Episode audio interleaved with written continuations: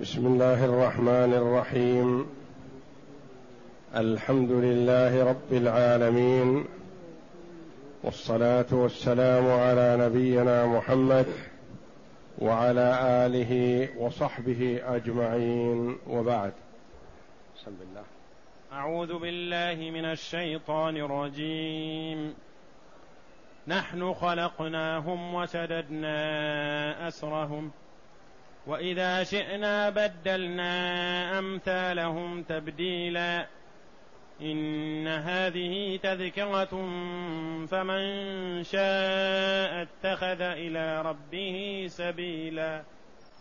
وما تشاءون إلا أن يشاء الله. إن الله كان عليما حكيما. يدخل من يشاء في رحمته والظالمين أعد لهم عذابا اليما. هذه الآيات الكريمة من سورة هل أتى على الإنسان؟ جاءت بعد قوله جل وعلا إن هؤلاء يحبون العاجلة ويذرون وراءهم يوما ثقيلا. نحن خلقناهم وشددنا أسرهم وإذا شئنا بدلنا أمثالهم تبديلا. الآيات. يقول الله جل وعلا نحن خلقناهم. أي هم خلقنا. والله جل وعلا هو الخالق وحده. وتقديم الضمير يشعر بالاختصاص. والحصر. أي أن الله جل وعلا وحده هو الخالق. فهو الخالق لهم وبيده حياتهم وموتهم ورزقهم وهو المتصرف في خلقه جل وعلا كيفما يشاء. فلا يليق بالمخلوق أن يعصي الخالق. ولا يليق بالمخلوق أن يتمرد على الذي أنعم عليه وأوجده ورزقه وأحياه ثم يميته. نحن خلقناهم لا غيرنا. فإذا تدبر الإنسان وتأمل نشأته عرف قدرة الله جل وعلا فخلقه من نطفة.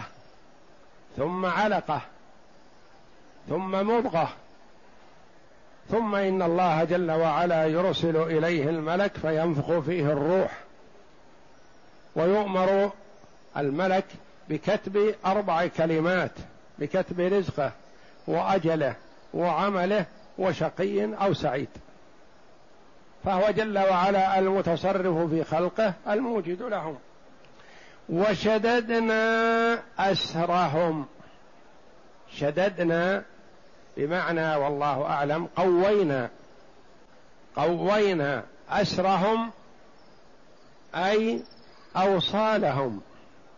قوى جل وعلا ربط الأعضاء بعضها ببعض بالعروق والعصب فهي عند الحركة تتحرك بسهولة ويسر. وعند التماسك هي متماسكة. لو تأمل الإنسان هذه المفاصل وتحريكها ثم إذا أراد شدها اشتدت وقويت. وإذا أراد ثنيها أو مدها أو التفاتها يمينا أو شمالا فهي مطاوعة. فالأسر الخلق. شددنا أسرهم يعني خلقهم بمفاصلهم بالعروق والأعصاب وما يجمعها. قال مجاهد وقتادة ومقاتل وغيرهم من علماء التفسير شددنا خلقهم يعني أسرهم. قال الحسن شددنا وربطنا أوصالهم بعضا إلى بعض بالعروق والعصب. قال ابن عباس رضي الله عنهما أسرهم خلقهم. شددنا أسرهم شددنا قوينا خلقهم. وقال أبو هريرة رضي الله عنه هي المفاصل. وقيل المراد بالأسر عجب الذنب. عجب الذنب هو الذي لا يفنى. وهو شيء دقيق جدا. قد لا يرى بالعين المجردة. وهو الذي يبقى ما تأكله الأرض. وهو الذي يكون منه بدء إعادة خلق الإنسان. لأنه لا يتفتت في القبر. وإذا شئنا بدلنا أمثالهم تبديلا. يبين تعالى أنه هو الذي بدأ خلقهم. قال ولو شئنا ولو أردنا لأذهبناهم وآتينا بغيرهم. فبين أنه هو البادئ ثم رتب على هذا قدرته جل وعلا على إفنائهم والإتيان بغيرهم. كما أنه أتى بهم قادر على إفنائهم والإتيان بغيرهم. ففي هذا وعيد لهم وتحذير وزجر. وإذا شئنا بدلنا أمثالهم تبديلا. ولو قال امرؤ لعمره مثلا لو شئت لفعلت كذا وكذا قد لا يصدقه. قد لا تستطيع أن تفعل ما تقول. لكن الله جل وعلا بين هذا بقوله نحن خلقناهم. نحن الذي أوجدناهم ولو شئنا لبدلناهم. فالقادر على الإيجاد من أول وهلة قادر على التبديل ثانية من باب أولى. لو شئنا لأهلكناهم وجئنا بأناس غيرهم أطوع لله جل وعلا منهم. وقيل المعنى مسخناهم إلى خلق آخر. ولو شئنا بدلنا أمثالهم يعني بدل ما نجعلهم يمشون على بدل ما هم يمشون على الأيدي على الأرجل فقط قادرون على أن نجعلهم يمشون على الأيدي والأرجل. وبدل ما إن كانوا بهذا الخلق وبهذه الصفة الحسنى التي اختارها الله جل وعلا لآدم وذريته ولقد كرمنا بني آدم وحملناهم في البر والبحر ورزقناهم من الطيبات وفضلناهم على كثير ممن خلقنا تفضيلا. وهو الذي خلق الإنسان على هذه الصورة الحسنة فهو جل وعلا قادر على مسخهم إلى صورة أخرى. وقيل المعنى مسخناهم إلى أسمج صورة وأقبح خلقة. قادر جل وعلا على كل شيء. وفي هذا تحذير لهم وتوعد. نحن خلقناهم وشددنا أسرهم. قال ابن عباس ومجاهد وغير واحد يعني خلقهم. وإذا شئنا بدلنا أمثالهم تبديلا. أي وإذا شئنا بعثناهم يوم القيامة وبدلناهم فأعدناهم خلقا جديدا. هذا قول ثالث. ولو شئنا بدلنا خلقهم يعني أوجدناهم بعد الممات إلى خلق يختلف عما هم عليه الآن. يختلف وهو نفسه فالكافر هو نفسه لكنه يزاد في خلقه ويكبر ويعظم حتى يكون ضرس الكافر في النار كالجبل والعياذ بالله. وإذا شئنا بدلنا أمثالهم تبديلا. أي وإذا شئنا أتينا بقوم آخرين غيرهم كقوله تعالى إن يشأ يذهبكم ويأتي بخلق جديد وما ذلك على الله بعزيز. يعني ليس ذلك على الله بصعب بل هو سهل. إنما أمره إذا أراد شيئا أن يقول له كن فيكون. إن هذه تذكرة. فمن شاء اتخذ إلى ربه سبيلا.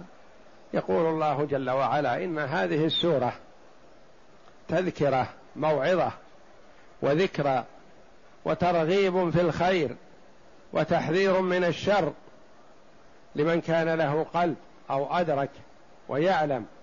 إن هذه تذكرة. فمن شاء اتخذ إلى ربه سبيلا اتخذ إلى ربه طريقا طريقا يسلكه في طاعة الله جل وعلا واجتناب معصيته لينجو. والله جل وعلا أقام الحجة على الخلق وبين الطريق وأرسل الرسل وأنزل الكتب فمن اهتدى فبتوفيق الله جل وعلا ومن عصى فقد قامت عليه الحجة. ولا يلوم إلا نفسه. بين له طريق الخير وطريق الشر فاختار طريق الشر وترك طريق الخير. فهلك فلا يلوم إلا نفسه. إن هذه تذكرة فمن شاء اتخذ إلى ربه سبيلا طريقا ينجيه من عذاب الله جل وعلا. وما تشاءون إلا أن يشاء الله. ليست المشيئة للعبد مستقلة بل هي تابعة لمشيئة الله جل وعلا. وهذا هذه الآية الكريمة من أدلة أهل السنة والجماعة على أن للعبد مشيئة ولله جل وعلا مشيئة. ومشيئة العبد تابعة لمشيئة الله تبارك وتعالى. ما يستطيع العبد أن يهدي نفسه ولا يدري العبد ما في علم الله جل وعلا نحوه من هداية أو شقاوة. وإنما عليه أن يسأل الله ويتضرع إلى الله جل وعلا والله جل وعلا حكيم عليم. يهدي من شاء من عباده لعلمه تعالى بصلاحيته للهداية والاستقامة. ويضل من شاء من عباده لعلمه جل وعلا بأنه لا يصلح للهداية ولا يستقيم. ومن ضل فقد ضل بعد بيان الحق بعدما بين له الأمر. ضل. فهو ضل بمشيئته والله جل وعلا يعلم ذلك ازلا عنه أنه يضل. قبل أن يخلقه. وقبل أن يخلق السماوات والأرض بخمسين ألف سنة. يعلم جل وعلا ما العباد عاملون. لا تخفى عليه خافية. فالآية الكريمة فيها إثبات مشيئة العبد. وفيها إثبات مشيئة الله تبارك وتعالى. وإثبات أن مشيئة العبد تابعة لمشيئة الله جل وعلا. فالعبد له مشيئة وله اختيار ومشيئته لا تخرج عن مشيئة الله تبارك وتعالى. ولا يقال إن العبد مجبر على عمل السيئات وعلى عمل الكفر والفجور والضلال والزنا لا. بل هو حينما يقدم على ما يقدم عليه يقدم باختياره. وهو إذا أقدم على ما يقدم عليه هل هو خارج عن مشيئة الله؟ لا. الله جل وعلا يعلم ذلك عنه ازلا وقدره عليه ازلا. وهو أقدم على المعصية باختياره ما أجبر عليها. وقد مثلت بمثال يوضح القضية في كون الاثنين يدعيان إلى الخير فيستجيب أحدهما ويمتنع الآخر. أقول مثلا إذا خرجت لصلاة الفجر فوجدت اثنين راقدان في الطريق فجئت إلى أحدهما وقلت له يا أخي قد أذن المؤذن لصلاة الفجر فقم إلى الصلاة. فقال لك جزاك الله خيرا أحسنت يا أخي أنا كنت نائم ما أدري ما سمعت الأذان. ودعا لك بخير وقام وتوضأ وأتى إلى المسجد وصلى في الصف الأول. هل هذا مجبر؟ هل دفعته أنت بقوتك أو بعصاك أو بسلاحك أو جاءه من يدفعه ويمسك بزمامه ويجره إلى المسجد؟ لا قام باختياره. والله جل وعلا يعلم ذلك عنه أزلا. جئت إلى الآخر فقلت له قم إلى الصلاة. قد أذن المؤذن فتكلم عليك وسبك وقال لست علي برقيب وأنا سمعت ولن أقوم واعمل ما شئت. فقلت له حسابك على الله والله جل وعلا يتولاك ويجازيك بما تستحق. أنا آمرك بما ينفعك وبما يصلح حالك في الدنيا والآخرة والصلاة مصلحتها عائدة إليك. إذا اتقيت الله جل وعلا وفقك الله وهداك وأرشدك وأحسن حالك وكان مآلك إلى الجنة. وإن عصيت الله جل وعلا فلا تلوم إلا نفسك أنت تحرم نفسك الخير والله يتولى عقابك. وقد توعد المتخلفين عن الصلاة بويل في قوله تعالى فويل للمصلين الذين هم عن صلاتهم ساهون فالويل لك أنت. فقال لك امشي بحالك ولا توقظني مرة أخرى. هل هذا معه أشخاص رابضون على رأسه وظهره يمنعونه من القيام؟ هل تسلط عليه أحد؟ انت بينت له طريق الخير بينت له أن سعادته في الصلاة فرفض. رفض باختياره أو مجبر. لا أحد يقول إنه مجبر. هو اختار هذا. هذا الذي امتنع يخفى على الله جل وعلا امتناعه؟ لا. لأن الله جل وعلا قال لموسى وهارون عليهما الصلاة والسلام حينما أرسلهما إلى فرعون اللعين قال تعالى فقولا له قولا لينا لعله يتذكر أو يخشى. والله جل وعلا يعلم آزلا قبل أن يخلق الخلق بخمسين ألف سنة أن فرعون لن يتذكر ولن يخشى. لأن الله جل وعلا لا تخفى عليه خافية. فالعبد له اختيار في الخير والشر. طلب منك ابنك شيئا ما فأعطيته. هذا باختيارك. طلب منك شيئا آخر فرفضته هل أنت مجبر؟ على الرفض أو مجبر على العطاء؟ لا باختيارك. لك اختيار. والله جل وعلا يعلم أزلا أنك تعطيه فيما أعطيته ويعلم أزلا أنك تمتنع فيما امتنعت. ولست بمجبر لا في العطاء ولا في المنع. فأنت مختار مختار. فلذا قال جل وعلا وما تشاءون إلا أن يشاء الله. يعني أثبت للعبد مشيئة ما نفاها. وإنما جعلها تابعة لمشيئة الله تبارك وتعالى. وما تشاءون إلا أن يشاء الله. إن الله كان عليما حكيما. ناسب ذكر هاتين الصفتين العظيمتين لله تبارك وتعالى بعد إثبات مشيئة الله. إن الله كان عليما. عنده العلم الكامل جل وعلا. حكيم يضع الأشياء مواضعها. لا تخفى عليه خافية. وكثيرا ما يقرن جل وعلا بين العلم والحكمة وبين العزة والحكمة. لأن العلم إذا لم يكن مقترن بحكمة كان ضرر. والعزة إذا لم تكن مقترنة بحكمة كانت ضرر كانت جبروت وأهلاك وطغيان وظلم. فالله يجمع بين الأسماء الحسنى فلكل اسم وصفة معنى عظيم يليق بجلال الله وعظمته. وجمعهما جمع الاثنين معا له معنى عظيم. حكيم وصف عظيم لله تبارك وتعالى. عليم وصف عظيم لله جل وعلا. جمع الاثنين ينتج منه شيء وصف عظيم لله تبارك وتعالى. عليم حكيم عزيز حكيم. لأن العزة في المخلوق بدون حكمة قد تجره إلى الطيش والقهر وعدم الالتفات لما فيه مصلحة.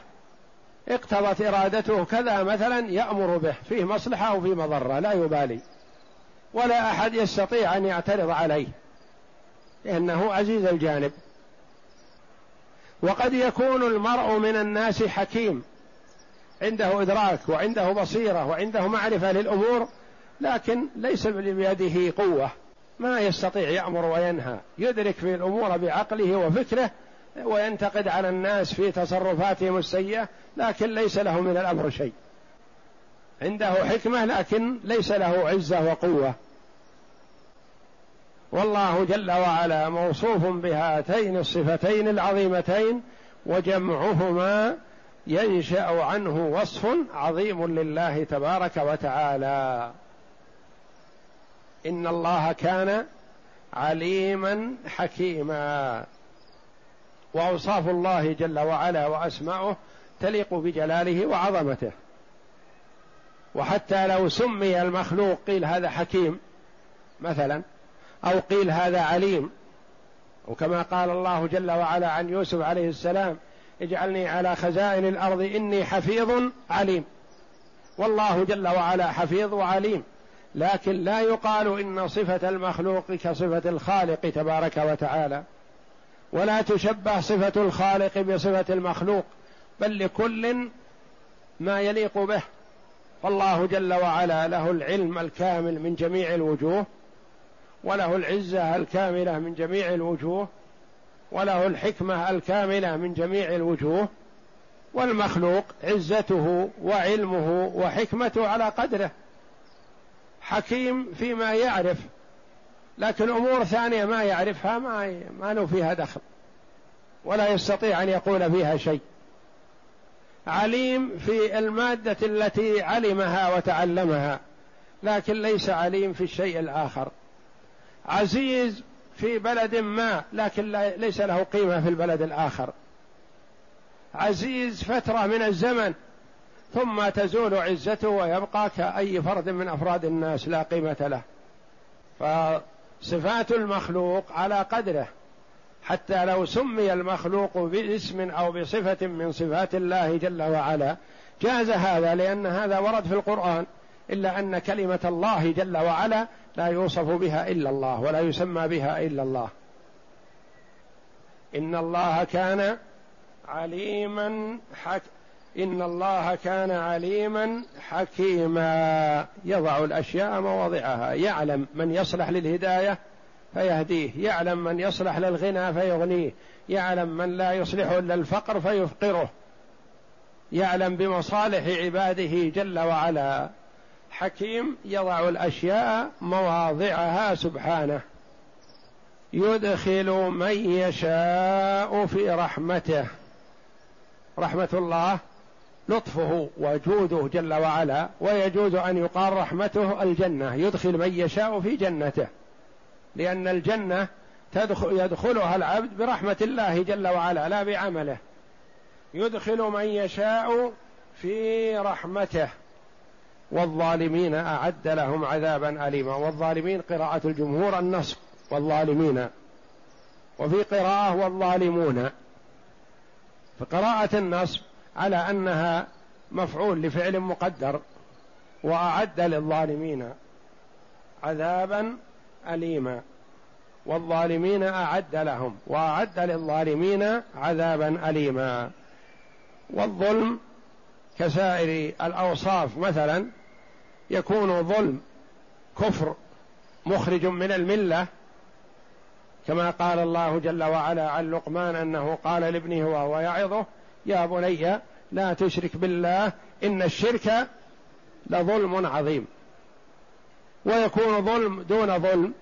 يعني إذا ظلم المرء أخاه المسلم ما يعتبر هذا كفر. هذا خطأ وجريمة لكن لا يعتبر كفر. والمراد بالظالمين هنا الذين أعد لهم العذاب الأليم هو الظلم الأعظم الظلم الذي هو يجر المرء إلى الكفر الذي يكفر به المرء. وأظلم الظلم أن يجعل العبد لربه جل وعلا ندا وهو خلقه. هذا أظلم الظلم.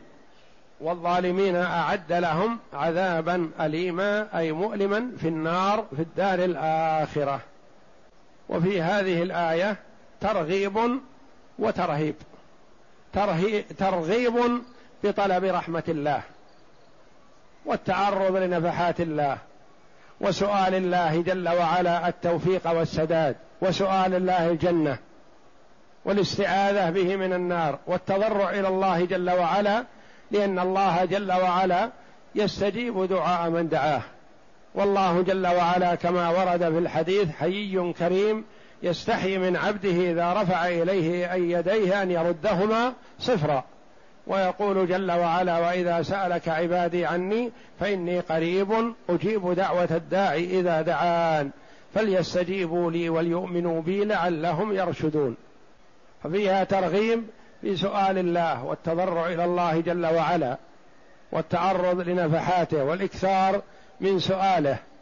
وفيها ترهيب عن الإعراض عن الله جل وعلا والوقوع في الظلم الذي هو أشد أنواع الظلم وهو الشرك بالله. والله جل وعلا توعد الظالمين بآيات كثيرة من كتابه العزيز. والظالمين أعد لهم عذابا اليما. إن هذه تذكرة يعني هذه السورة تذكرة. فمن شاء اتخذ إلى ربه سبيلا أي طريقا ومسلكا. أي من شاء اهتدى بالقرآن كقوله تعالى وماذا عليهم لو آمنوا بالله واليوم الآخر. الآية ثم قال تعالى وما تشاءون إلا أن يشاء الله. أي لا يقدر أحد أن يهدي نفسه ولا يدخل في الإيمان ولا يجر لنفسه نفعا إلا أن يشاء الله. الله جل وعلا فضل عبده ورسوله محمدا صلى الله عليه وسلم بأنه أفضل الخلق وأحب الخلق إلى الله ومع ذلك أنزل الله جل وعلا عليه إنك لا تهدي من أحببت ولكن الله يهدي من يشاء. فنفى عنه صلى الله عليه وسلم الهداية بمعنى التوفيق والسداد أنه ما يستطيع أن يوفق ويسدد مخلوقا كائنا من كان. حرص على هداية عمه أبي طالب فلما لم يرد الله جل وعلا ذلك ما هداه. إلا أن يشاء الله إن الله كان عليما حكيما أي عليم بمن يستحق الهداية فييسرها له ويقيض له أسبابها ومن يستحق الغواية فيصرفه عن الهدى وله الحكمة البالغة والحجة الدامغة ولهذا قال تعالى إن الله كان عليما حكيما. ثم قال يدخل من يشاء في رحمته والظالمين أعد لهم عذابا أليما. اي يهدي من يشاء ويضل من يشاء. فمن يهده فلا مضل له ومن يضلل فلا هادي له. والله أعلم. والله أعلم. وصلى الله وسلم وبارك